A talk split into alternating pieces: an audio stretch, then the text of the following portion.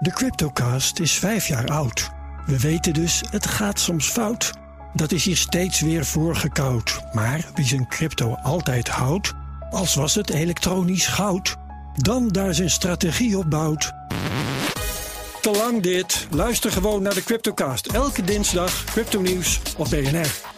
De Cryptocast, voor jong en oud. Cryptocast wordt mede mogelijk gemaakt door Bitfavo, de crypto-exchange van Nederland. BNR Nieuwsradio. De AEX-factor. Paul Lasseur. Welkom bij de AEX-factor met daarin alles over de beurzen, beleggen en vermogen opbouwen. We struinen de beurzen af voor het belangrijkste en meest bizarre nieuws. Van bitcoin tot Tesla, van goud tot sojabonen. Financieel onafhankelijk voor je dertigste of gewoon een zorgeloze oude dag. Het komt allemaal aan bod en we kijken verder dan alleen beleggen in aandelen. Kortom, als je luistert ben je helemaal bij.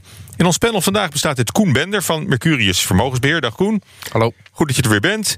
En een uh, nieuwe stem in het programma is uh, Bart van Haren, oprichter van de Belgische robo-belegger InvestSuite. Dat is een fintech-bedrijf. Ja, want beleggingsrobots, daar hebben we het dan over, die rukken op in de financiële wereld. Ze nemen steeds vaker het werk over van bankiers, van brokers, van vermogensbeheerders. En slimme algoritmes die kunnen bepalen welke aandelen je het beste kunt kopen en welke je beter direct kunt verkopen. Of je je spaargeld zomaar kunt toevertrouwen aan zo'n robot. Dat bespreken we straks. Eerst uh, doen we een greep uit het belangrijkste beursnieuws van de afgelopen week. We got some breaking news in the last 10 minutes of trading here. A, a judge throwing out a antitrust lawsuit against Facebook. Facebook, $1 trillion for the first time. The fifth company to join that club on this court decision. 130 landen steunen het plan van de G7 voor een minimumbelastingtarief van 15% voor bedrijven. Meldt de OESO. Eerst eventjes een oneenigheid die we op de redactie hebben uit de wegwerken. Is het nou Uber of Uber? De voor eens en voor altijd. Ja, ik zeg Uber. Over die rechtszaak van morgen. Hoe, hoe, hoe sta jij daar eigenlijk zelf in? Wij voelen ons uh, gesterkt eigenlijk door die, uh, die 90% van de chauffeurs die eigenlijk die zelfstandigheid juist wil. Dat, dat zien we keer op keer terugkomen. Astronaut 001, Richard Branson. I'll be evaluating the customer spaceflight experience. As the Virgin Galactic founder, I am so proud to have this remarkable crew of mission specialists and pilots by my side as we fly to space. I've always been a dreamer. My mum taught me to never give up and to reach for the stars. This July, our dream will become a reality. Ja, een beetje intergalactisch nieuws hadden we deze week. Maar ook groot nieuws, dat natuurlijk het internationale minimumbelastingtarief voor multinationals op 15% zal worden gesteld. 130 landen steunen het plan van de G7. Uh, ja, Koen Benner, gaat het er dan toch van komen? Eén minimumtarief voor alle bedrijven over de hele wereld? In ja, alle landen? Op, op, op, die negen landen na wel. Ja, en dat is uh, op zich natuurlijk heel, heel goed nieuws. Het maakt het heel eenvoudig. Uh, zorgt er ook voor dat je wat puurdere concurrentie gaat krijgen. Dus uh, ik denk dat dat. Uh, en per saldo, als die belasting nuttig besteed wordt, is het niet verkeerd als er gewoon ook hmm. meer belasting binnenkomt. En die negen landen die heb je niet nodig om het plan helemaal door te zetten. Ja, het mooie was natuurlijk geweest dat je niet uh, dit, dit soort belastingparadijzen uh, er, erbij houdt. Maar ik denk dat langzaam maar zeker de, tijd er ook wel, de tijdsgeest er ook wel naar is dat de consument, uh, bedrijven die zich hieraan willen onttrekken, uh, ja, toch ook wel kritischer zullen benaderen. Mm. Uh, anders dan bijvoorbeeld 10 of 20 jaar geleden. Waarin het heel normaal was dat je een vestiging had op de, ja, in, in een belastingvriendelijk klimaat. Ja, en aandeelhouders, andere stakeholders zullen er misschien ook zo tegenaan kijken. Ja, dat denk ik wel. Ik denk dat je als aandeelhouder moet je helemaal niet uh, uh, kijken naar bedrijven die, die hun geld of hun winst laten stijgen doordat ze minder belasting betalen. Het product moet gewoon goed zijn. Mm. En, uh, en, en, en dat moet uiteindelijk de reden zijn waarom je belegt. En je, je wil ook beleggen voor een betere toekomst. En als be, fair, fair belastingssysteem daarbij kan helpen, dan zou ik ja. niet weten waarom je dat zou moeten tegenstaan. Nou, het zal nog wel even gaan duren. Dit jaar gaan we het nog niet meemaken, denk ik. Ja, 2023 uh, ah. wordt over gesproken. Hè. Volgend jaar de, de, de regels echt uh, op papier zetten... en iedereen de kans geven om erop aan te passen. En dan 2023 ja, het nieuwe belastingssysteem. Nou, dat is toch sneller dan ik, dan ik had, had gedacht. We gaan kijken of het ook, ook lukt. Ja.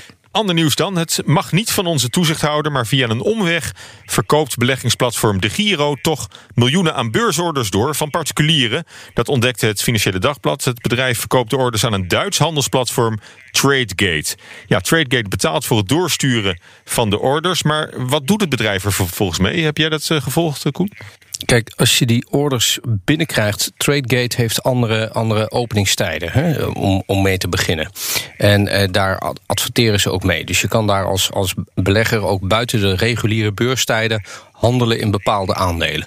Nou, dat kan interessant zijn. Hè. Als je dat wil, dan uh, is het natuurlijk leuker om ook s'avonds te kunnen beleggen. Alleen die markt is minder liquide. Mm. Uh, en wat zo'n TradeGate uh, doet met die orders, is die probeert dat ook intern te matchen. En dat is natuurlijk voor hen super profijtelijk. Want ja, dan hoeven ze niet buiten de beurs om de bid-ask spreads. daar, daar kun je wat meer mm. mee. Dus ja, dit is. Is het, een, is het een uitkomst voor die paar particuliere beleggers die, die daar gebruik van willen maken?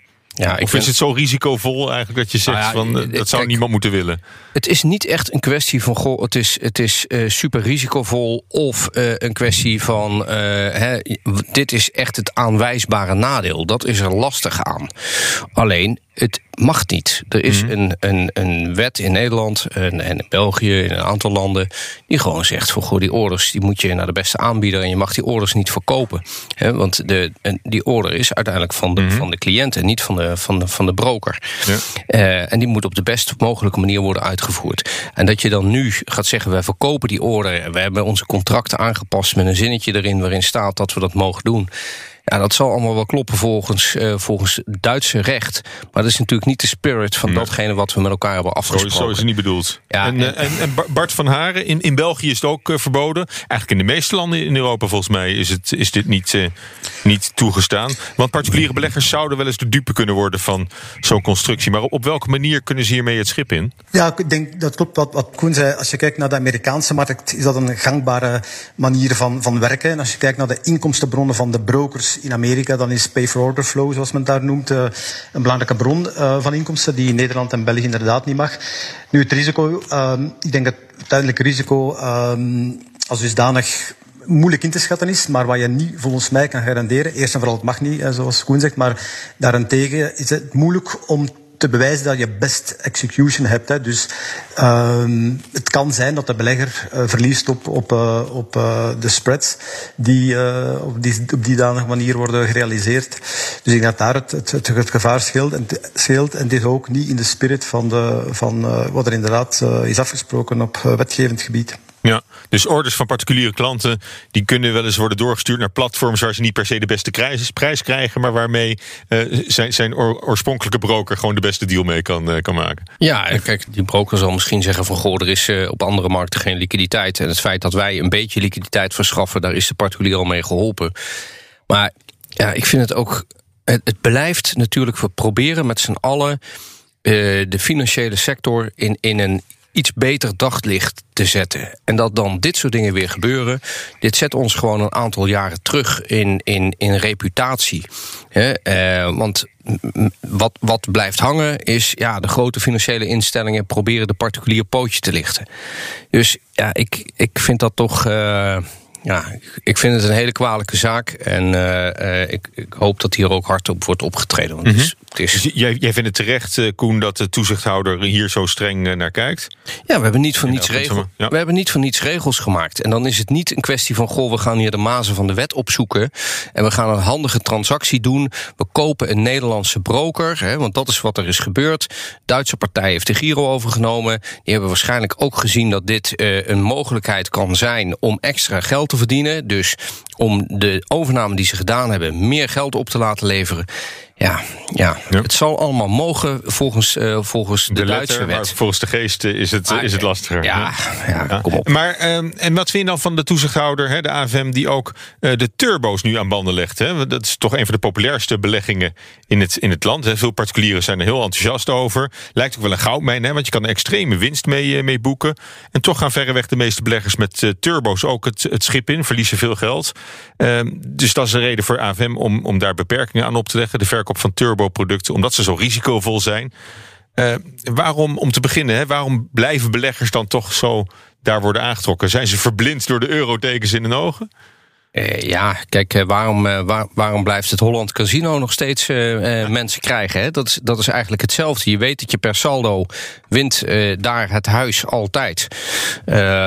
maar toch zijn er beleggers die denken van... hé, hey, ja, ik kan dit wel halen. Het is wat je, wat je in de psychologie mental accounting noemt. Hè? Je, je, je, je blijft wel de dingen onthouden die je goed doet...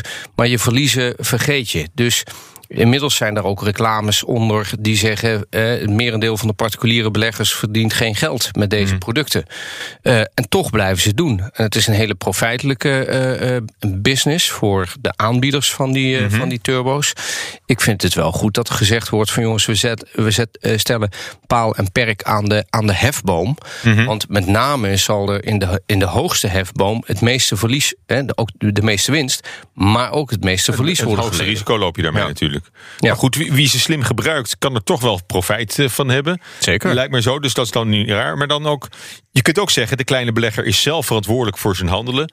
Waar bemoeit de AFM zich dan nog mee? Nou ja, de AFM bemoeit zich ook met het opstellen van regels. En een van de dingen is dat het bieden van een bepaalde vorm van bescherming.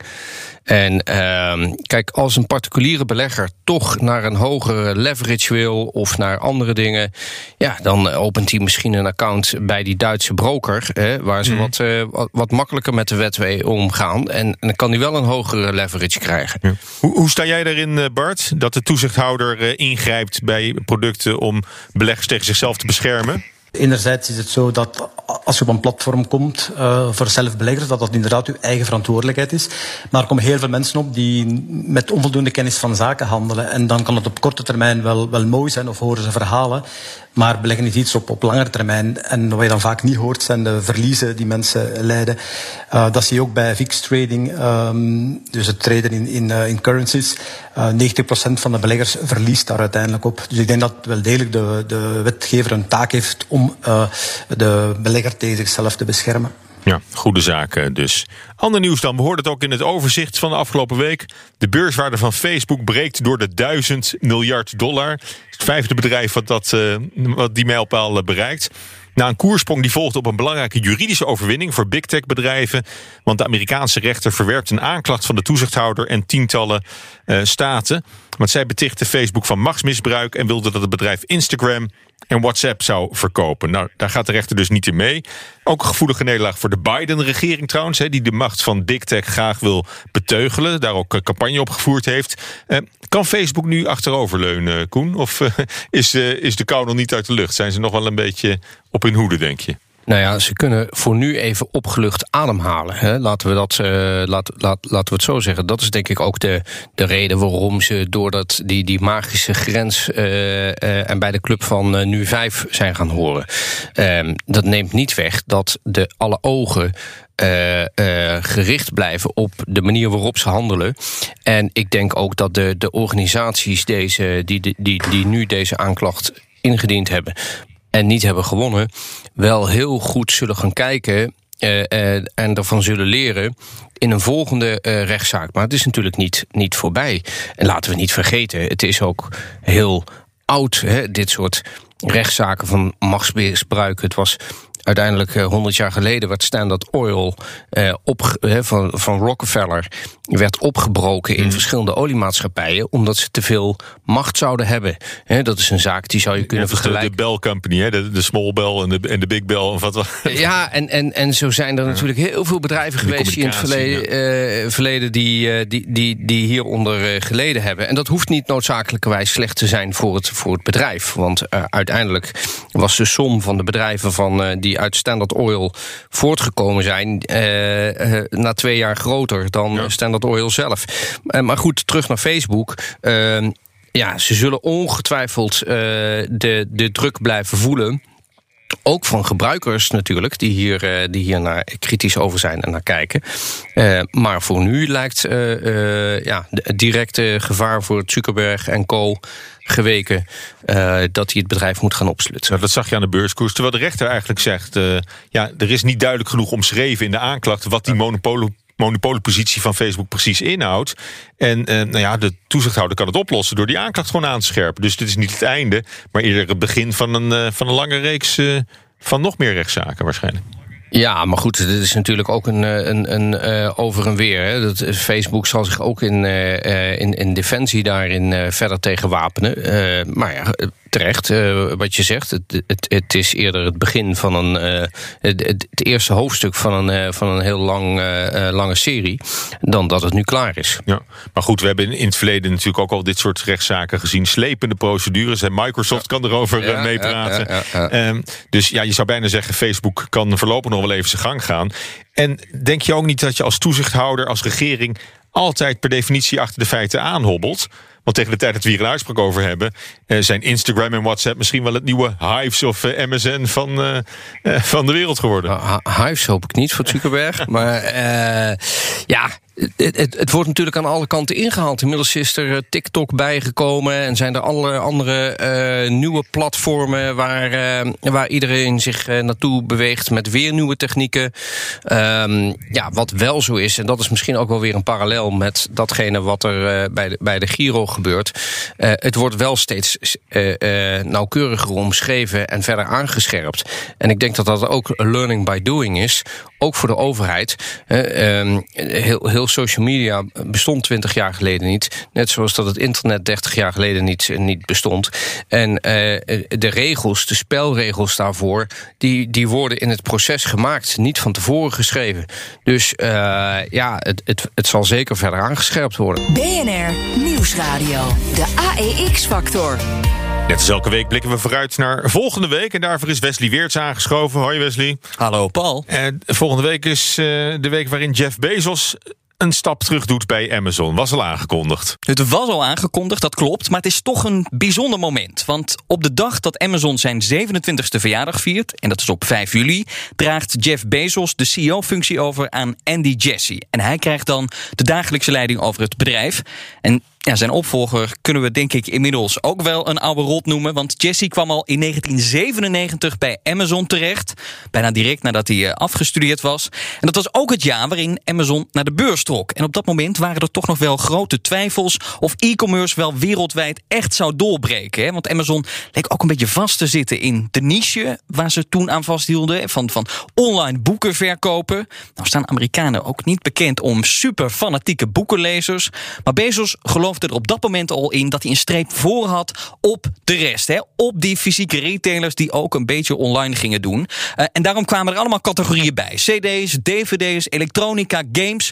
En dan zou je kunnen denken, daar had het verhaal kunnen stoppen bij e-commerce. Maar dat deed het niet, want aan het begin van de eeuw werd ook die IT-tak van Amazon opgericht. En daar komt Jesse om de hoek kijken, want hij kreeg de leiding over wat Amazon Web Services moest gaan heten. En het idee was dat klanten ruimte konden huren op de servers van Amazon. En dat was toch wel een aardig succesvolle stap. Want het bedrijf nam daarbij een behoorlijke voorsprong op zijn concurrenten. Want die bleven het liefst dure servers aan hun klanten verkopen. Die dan fysiek ergens geplaatst werden.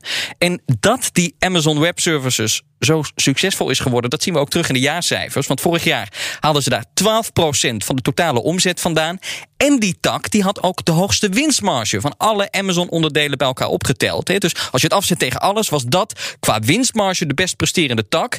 En het bedrijf heeft nog altijd ook een voorsprong op zijn concurrenten. Dus dat is niet verdwenen. Hè. Microsoft is er wel naartoe gegroeid. Uh, die kan inmiddels een beetje meekomen. Nou, daarna volgt op flinke achterstand Google. Maar Amazon is nog altijd heer en meester op het gebied van cloud. Uh, verandert er ook nog iets met het aantreden van Jesse als uh, CEO? Nou, dat verschuift dus wel wat. Want hij verschuift van die Amazon Web Services tak naar echt CEO. Hmm. En daarmee verwachten analisten ook meteen dat onder zijn leiding meer en meer ehm, ja, de verschuiving plaats gaat vinden van retailer naar softwarebedrijf. Mm. Ja, die transitie, waar, de marges eh, gemaakt kunnen waar worden. Waar die marges gemaakt kunnen worden. En die transitie is al deels ook ingezet natuurlijk. Mm. Uh, en als we dan kijken naar waar liggen de uitdagingen. Kijk, Amazon is zo groot dat het zowat elk bedrijf kan vermorselen en op kan kopen die het wil. Maar de bedreiging voor Amazon komt vooral uit de politieke hoek. En het ligt uh, ja, voor de hand dat het bedrijf dan ook de komende jaren de toezichthouder nog wat vaker op zijn dak krijgt. Hè. Nu zijn het vooral Google en Facebook uh, die vaak hmm. onder vuur liggen vanwege hun gigantische machtpositie.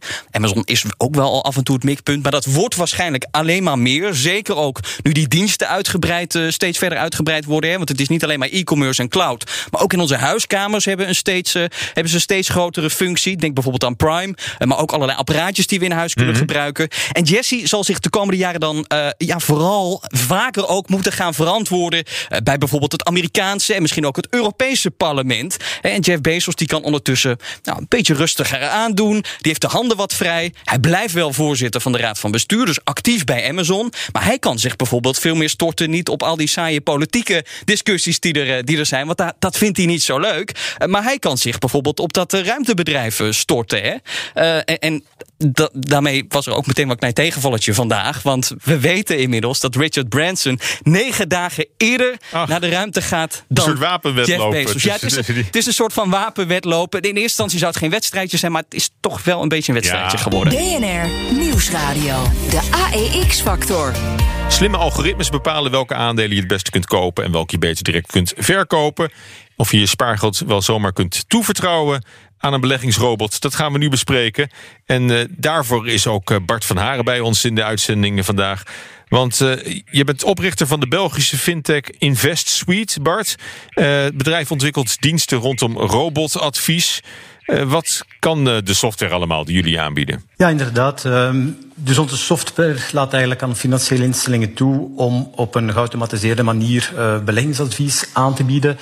Um, Misschien onmiddellijk een kanttekening erbij. Wij verkopen zelf geen uh, advies aan uh, uh, beleggers. Hè. Dus je kan niet bij InvestSuite klant worden als, als belegger. Dat gaat via financiële instelling. En dat is misschien onmiddellijk een belangrijke kanttekening. En ik zal zo dadelijk mijn definitie geven over wat is nu robadvies. Maar um, we moeten een heel goed onderscheid maken tussen zelfbeleggers, waar we het er juist over hadden, platformen zoals Binkbank en DiGiro, waar je op eigen risico belegt, enerzijds, en anderzijds advies hè, dat je krijgt via je private bank of je vermogensbeheerder. Dus die robo-adviseurs die spelen in op dat tweede luik. En enkele jaren geleden was er de ambitie van die robo-advisors om uh, het vermogensbeheer of de private banks eigenlijk te, te disrupten, zoals Airbnb en Uber dat gedaan heeft. En dat is totaal niet gelukt. Hè. De reden waarom dat, niet gelukt is, heeft, zijn een aantal redenen, maar een belangrijke reden is trust. Mensen gaan niet zomaar hun geld afgeven aan een uh, uh, onbekende start-up of fintech. Dat gebeurt niet. Er zijn er een 200, 300 in Europa, maar geen één heeft echt succes. Dus de piste die wij gekozen hebben is eigenlijk om niet rechtstreeks naar de klant te gaan, maar wel banken of financiële instellingen uh, software aan te bieden die zij dan kunnen gebruiken in hun verhaal naar hun klant toe. En dan heb je dat probleem van trust niet. Ja, maar het, effect is uiteindelijk natuurlijk hetzelfde, namelijk dat er een beleggingsrobot uh, tussen wordt geschoven, uh, die, ja, die, die de beleggingsbeslissing uh, misschien wel aan, aan weer een adviseur overlaat, of aan, uiteindelijk aan, aan de particulier. Uh, maar is dat, is, dat, is dat verstandig? Hoe, wat kunnen die beleggingsrobots tegenwoordig al? Wat een, wat een uh, adviseur van vlees en bloed uh, niet kan. Kijk, wat, wat is een beleggingsadvies? Een beleggingsadvies is uiteindelijk een um, aanbod op maat, hè, waarbij je rekening houdt met het beleggersprofiel van de klant, het risicoprofiel van de klant, zijn objectieven, zijn tijdshorizon. En dat betekent dat je eigenlijk een optimisatie gaat moeten doen tussen risico en return. Hè. Om het heel simpel te zeggen, stel dat jij aan Koen of een andere private banker of wie dan ook vraagt om u 10.000 euro te beleggen, dan gaat die een aantal, vragen, of een aantal vragen moeten stellen. Wat is uw financiële capaciteit? Wat is uw kennis en ervaring? En heel belangrijk, wat is uw risicoprofiel? En dus al die vragen zou je, of dat, dat, die kunnen al volledig geautomatiseerd worden. Um, dus dat is één element in die waardeketting. En stel dat je dan het antwoord hebt op die vragen, dan de volgende stap is het formuleren van het eigenlijke advies. Hè. Dus het, het, samenstellen van een, van een portefeuille. En dat kan ofwel gebeuren uiteraard door uw, door uw private banker of uw vermogensadviseur. Of, en of hij die kan gebruik maken van een uh, om het even met een moeilijker woord te zeggen, portfolio construction algoritme, waarbij dat algoritme eigenlijk de, heel concreet die portefeuille gaat samenstellen. Dus om een voorbeeld te geven, stel dat u zegt ik ben geïnteresseerd in aandelen en stelt dat uh, er een portefeuille moet worden samengesteld uit te kiezen uit duizenden aandelen of tienduizenden, dan kan eigenlijk zo'n algoritme die portefeuille uh, concreet gaan samenstellen. En dat kan dus ook gebeuren door, de, door een adviseur uiteraard. En dat, ja. dat, doet, dat doen die ook.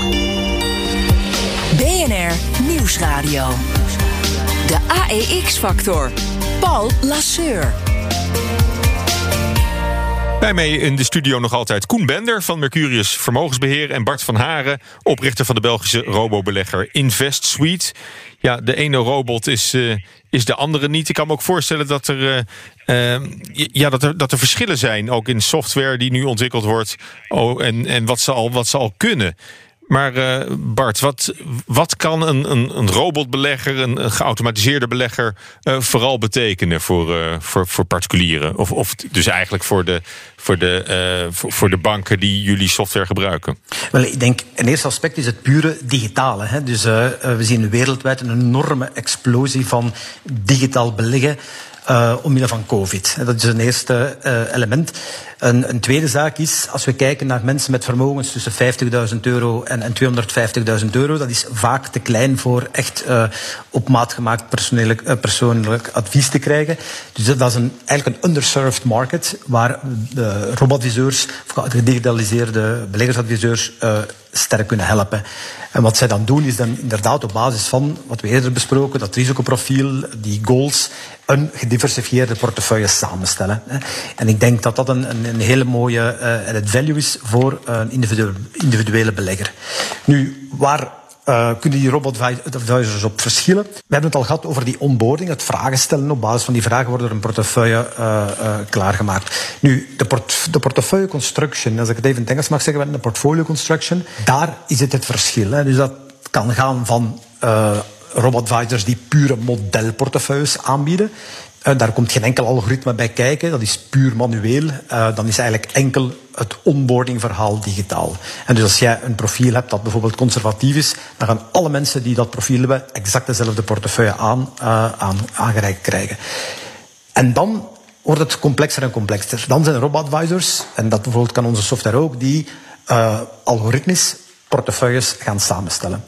En dat, dat is waar de toegevoegde waarde denk ik ligt. Want die kan ook dus on the fly gebeuren en heel gepersonaliseerd. Wat betekent dat? Dat als u vandaag nu op dit ogenblik bij mij komt en u zegt, kijk, ik wil 50.000 euro bij u beleggen, dan gaat u door het digitale proces en binnen de 30 seconden krijgt u een gepersonaliseerde portefeuille aangeboden. En dat gebeurt dus op basis van die, van die algoritmes. En, dat is, en daar zit eigenlijk het verschil. Um, ja. En, en zijn dus moeten we hier even pauzeren, want dat is het grootste verschil. Ja, en zijn er nou ook robots die aan de hand van uh, bepaalde woorden die in de media ineens heel vaak voorkomen, in de financiële pers bijvoorbeeld, hè, dat, uh, dat, dat ze daarmee uh, eigenlijk het signaal oppikken dat een bepaald bedrijf uh, heel erg in de belangstelling uh, staat? Dat zijn geen robo-advisors. Dat zijn dus inderdaad hedge funds enzovoort die algoritmes gebruiken om sentimentanalyse te doen en dergelijke meer. maar dat, dat hoort duidelijk niet bij, bij robo-advisors. Dus robo-advisors je moet echt kijken naar die kunnen in theorie het werk overnemen van een, van een beleggingsadviseur, waarbij het doel is om over een portefeuille aan te bieden op lange termijn, op een gediversifieerde manier. Vaak is dat een samenstelling van, van trackers of fondsen. Uh, wat je daaraan al, Paul, dus uh, gaan kijken naar wat er op Twitter verschijnt enzovoort enzoverder. Dat, dat is een hele andere vorm van, van, van, van beleggen. dat hoort eigenlijk niet thuis bij wat we robo-advies noemen. Wat het ook in, uh, had het vorige week dacht ik over de technische analyse.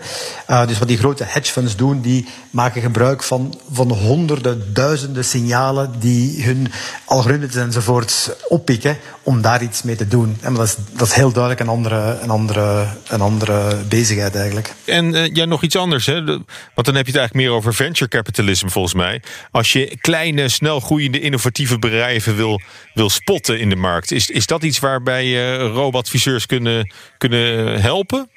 Of is het iets wat je vooral nog met, met ouderwets handwerk moet, uh, moet doen en met een beetje geluk? Dan moet je, ja, dan moet je met ouderwets handwerk doen. Dus met, met venture capitalist bedoel je inderdaad het investeren in bedrijfjes um, met, met, uh, die, die aan het begin staan van hun verhaal. Hè.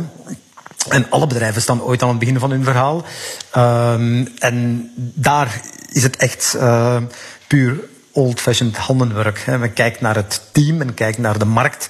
Uh, men kijkt naar de eerste klanten en gaat dan een inschatting maken van, uh, dat kan hier lukken of niet.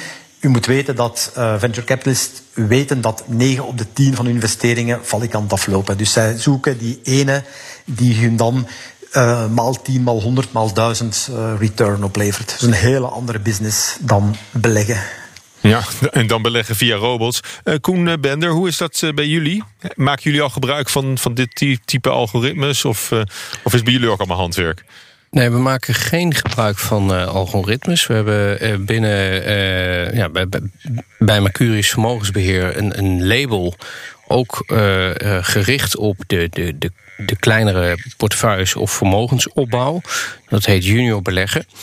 En wat we bij junior beleggen doen, is dat hele, hele proces van klant worden en de vragenlijsten invullen, uh, zoals Bart ook uh, schetst. Dat is eigenlijk op dezelfde manier helemaal, helemaal gedigitaliseerd. En daarna kom je inderdaad in een profiel terecht.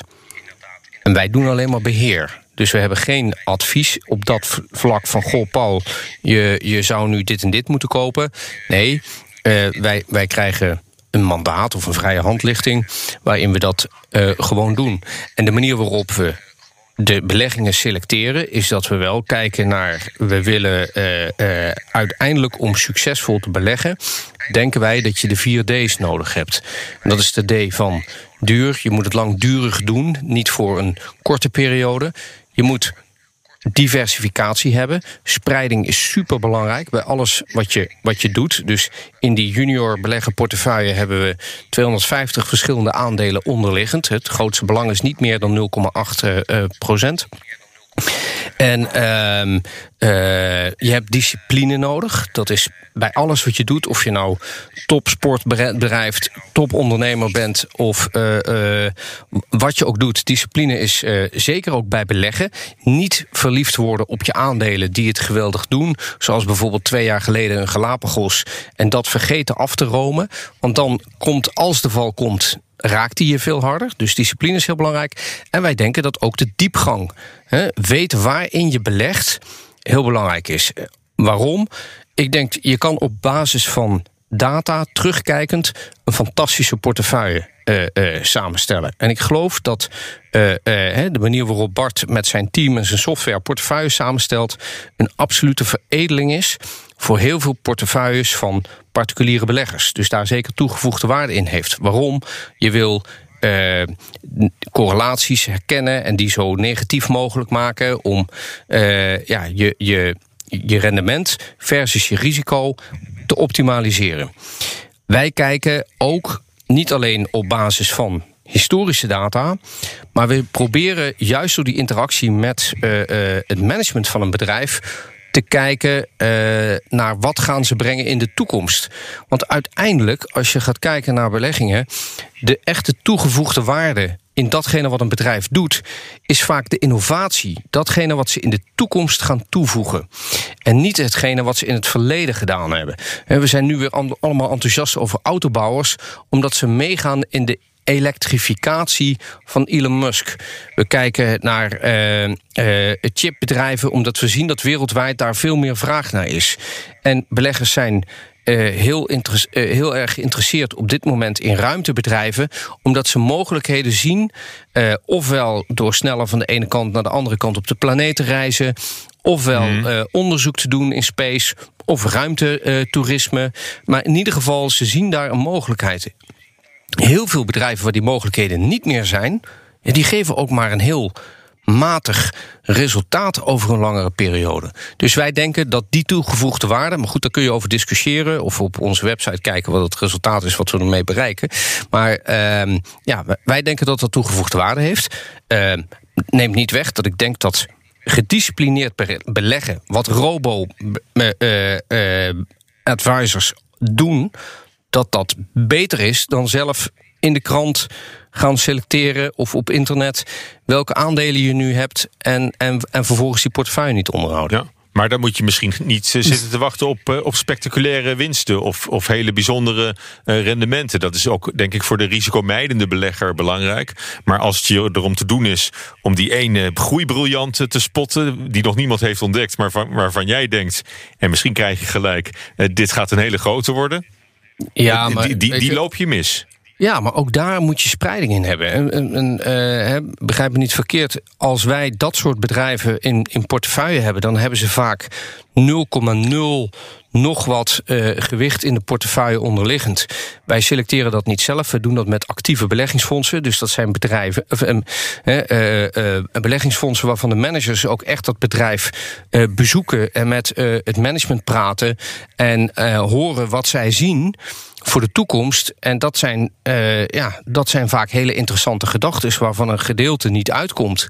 Maar uiteindelijk, kijk, de waarde van, uh, laten we zeggen, Apple of, of Amazon uh, wordt met name bepaald door uh, onderdelen die ze misschien tien jaar geleden nog helemaal niet hadden. Mm. de AirPods, de wearables, die waren er uh, tien jaar geleden niet. En twintig jaar geleden waren, was er geen App Store. En, en, en door de komst daarvan is het bedrijf nou een van de waardevolste bedrijven. Hè, zitten ze in die club van vijf. Ja, maar dat komt dan niet door elementen die, die, door, uh, die door computers of door algoritmes uh, in een vroeg stadium ontdekt kunnen worden. Want dat is allemaal op basis van historische data. Dat zeg ik toch goed, Bart? Ja, maar ik denk dat je. Ja, nee, dat is heel correct. Maar ik denk, als ik misschien één stapje terug mag zetten.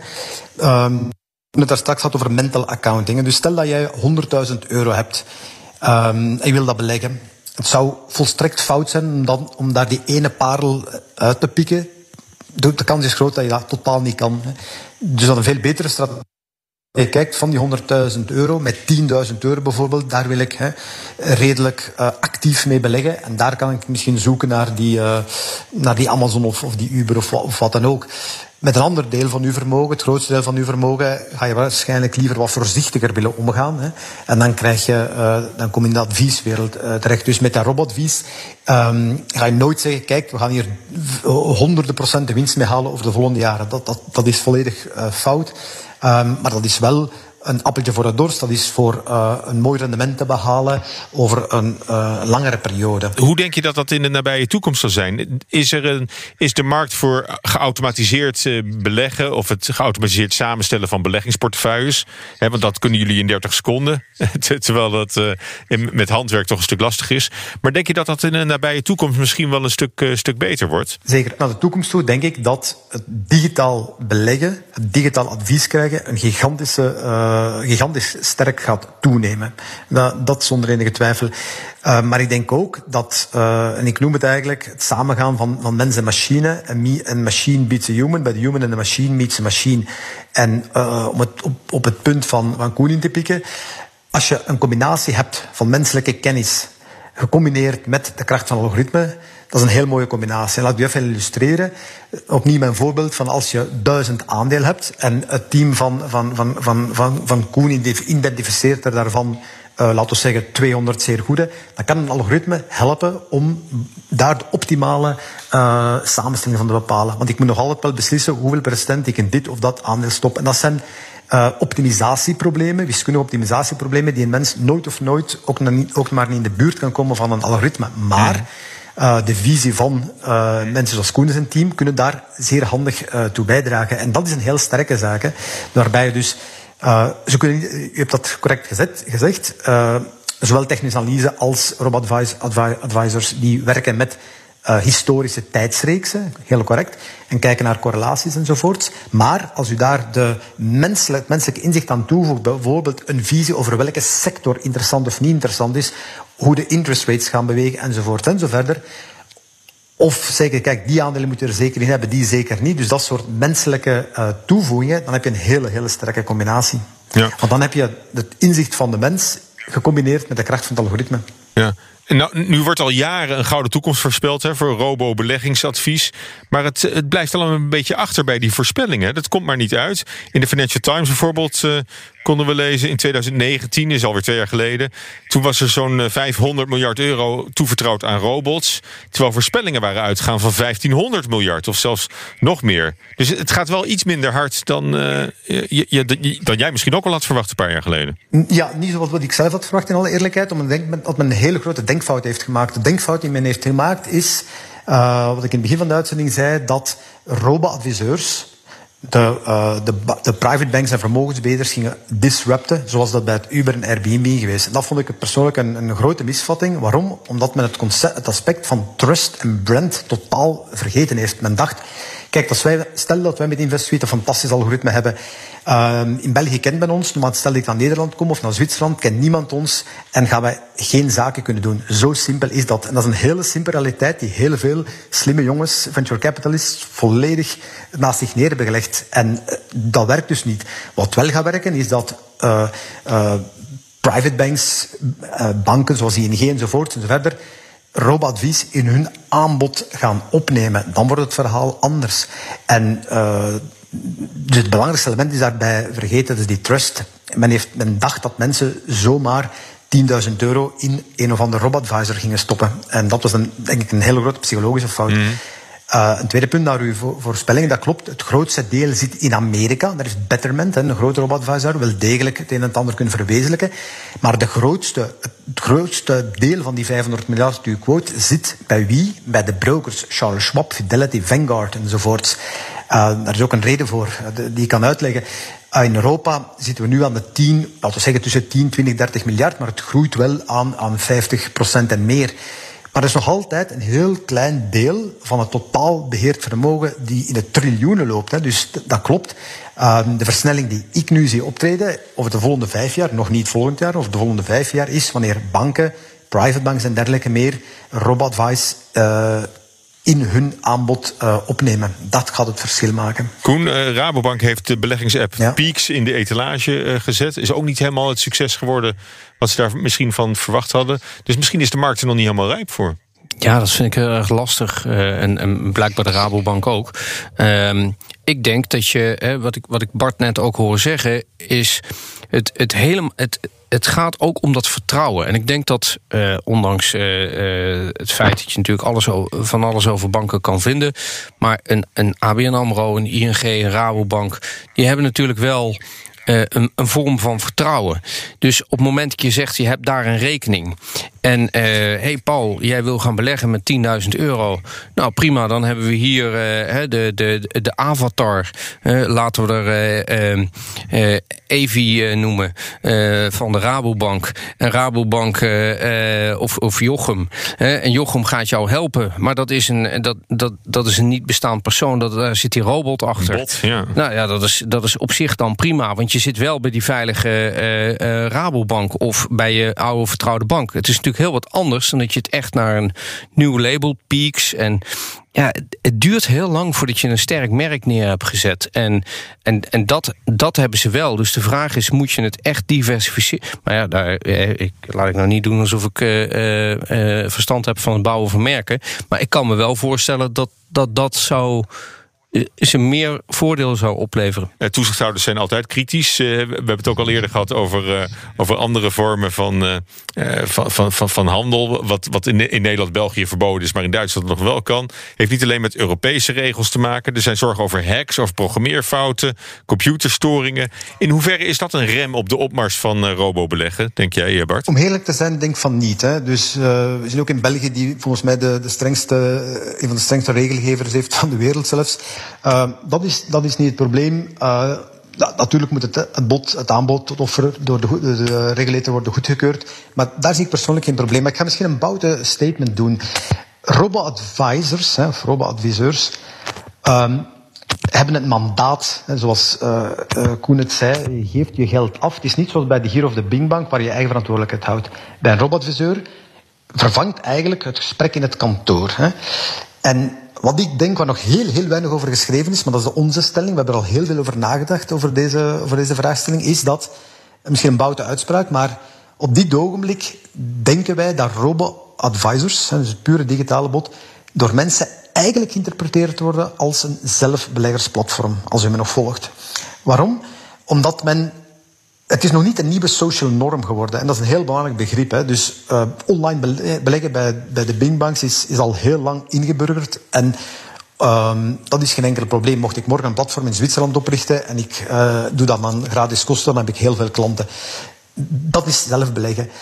In advies moet je goed, nou, dat gaat voor, voor elke disruptie, voor elke innovatie. Als innovatie te, te, te innovatief is, dan is er een transitieperiode nodig. En dat is denk ik een heel belangrijk inzicht. En misschien breng ik het niet helemaal goed over, maar wat ik bedoel is... De gang van zaken is dat mensen bij hun kantoorhouder gaan of bij een adviseur en een live gesprek hebben En op of een Zoom-gesprek maar met een live persoon. Dat, dat is de social norm. En nu verwacht je van de mensen om dat te doen zonder, eh, zonder tussenpersoon.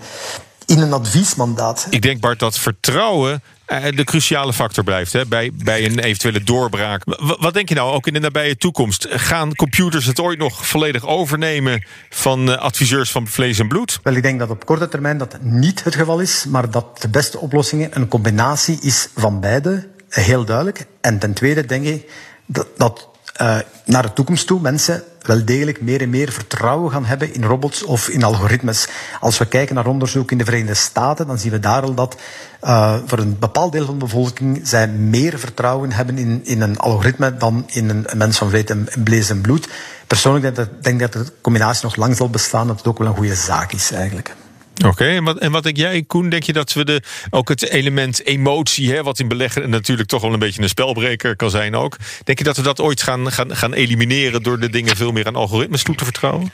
Ja, ik denk dat dat een ego-ding is voor heel veel, veel mensen. En mensen die in staat zijn om daar overheen te stappen en te kunnen zeggen van... hé, hey, inderdaad, we, we hebben die discipline en die spreiding en, en uh, hebben we nodig. Uh, maar met name die discipline om succesvol te zijn. Weet je wat, we, we, we dragen het over aan een, aan een geautomatiseerd platform, aan een robotplatform, wat uh, dat eruit filtert. Die zullen uiteindelijk veel succesvoller gaan beleggen. Want heel veel onderzoek wijst ook uit dat de particuliere belegger per saldo geen geld verdient. Uh, maar die moet wel in staat zijn om over dat punt heen te stappen mm. uh, en dat te erkennen. Het is, beleggen is voor sommige mensen natuurlijk ook een vorm van hobby, van tijdverdrijf. En ja, helaas. Uh, in sommige gevallen kost geld natuurlijk. In sommige gevallen kost dat geld. Ja. Uh, gelukkig levert het af en toe ook nog wel uh, geld op. Dus dat is dan. Maar wat, wat je zegt, het is eigenlijk vergelijkbaar met een autopilot in een, in een automobiel. En elektrisch rijden. Van, van, wat is het moment dat mensen het stuur ook echt los gaan laten... en gewoon, gewoon een boekje gaan zitten lezen achter het stuur? Ja, nou laten we heel eerlijk zijn. Hè. De, de, de Anthony Fokker die, die vloog het vliegtuig zelf. En, en, en, en de Wright Brothers ook. En inmiddels zijn de meeste piloten na het opstijgen... zetten ze de autopilot aan. En straks gaan we dat ook zo met, met, met een auto doen. Maar voor ons, als we gewend zijn om dat stuur voortdurend zelf in handen te hebben... gaat het natuurlijk best eng zijn om dat voor het eerst los te laten. Maar uiteindelijk kom je wel veilig van A naar B. Ja, en dat zal waarschijnlijk ook uh, de kans op ongelukken in het beleggen zal ook afnemen als ze dingen meer durven toevertrouwen ja, aan absoluut. gecomputeriseerd ja, goed. Dat is ook hè, onderzoek wijst uit dat een van de grootste bedreigingen voor het vermogen van de babyboomers is zijn niet de marktomstandigheden, maar dat zijn de babyboomers zelf. Het nemen van de verkeerde beslissing of misschien langzaam maar zeker niet meer in staat zijn om alles goed te volgen en daardoor die portefeuille niet meer onderhouden. En, en een robo-advies, ja, dat kan daar of een, een robobeheerder kan daar een ontzettend goede uh, oplossing en dus ook een bescherming voor zijn. Nou, laten we, het, uh, laten we het hopen dat het zich die kant op uh, ontwikkelt. Of naar junior beleggen natuurlijk. ik denk het ook. Dank jullie wel. Koen Bender van Mercurius Vermogensbeheer... en Bart van Haren, oprichter van de Belgische robo-belegger Invest Suite... Dit was de AIX-factor. Ik hoop dat je volgende week vrijdag weer luistert. Vanaf 7 uur op de radio. En meteen daarna als extra lange podcast beschikbaar. En heb je voor ons een gouden beleggingstip? Of heb je een vraag voor ons panel? Laat het ons vooral weten. Stuur dan een mailtje naar aexfactor.bnr.nl. Tot volgende week.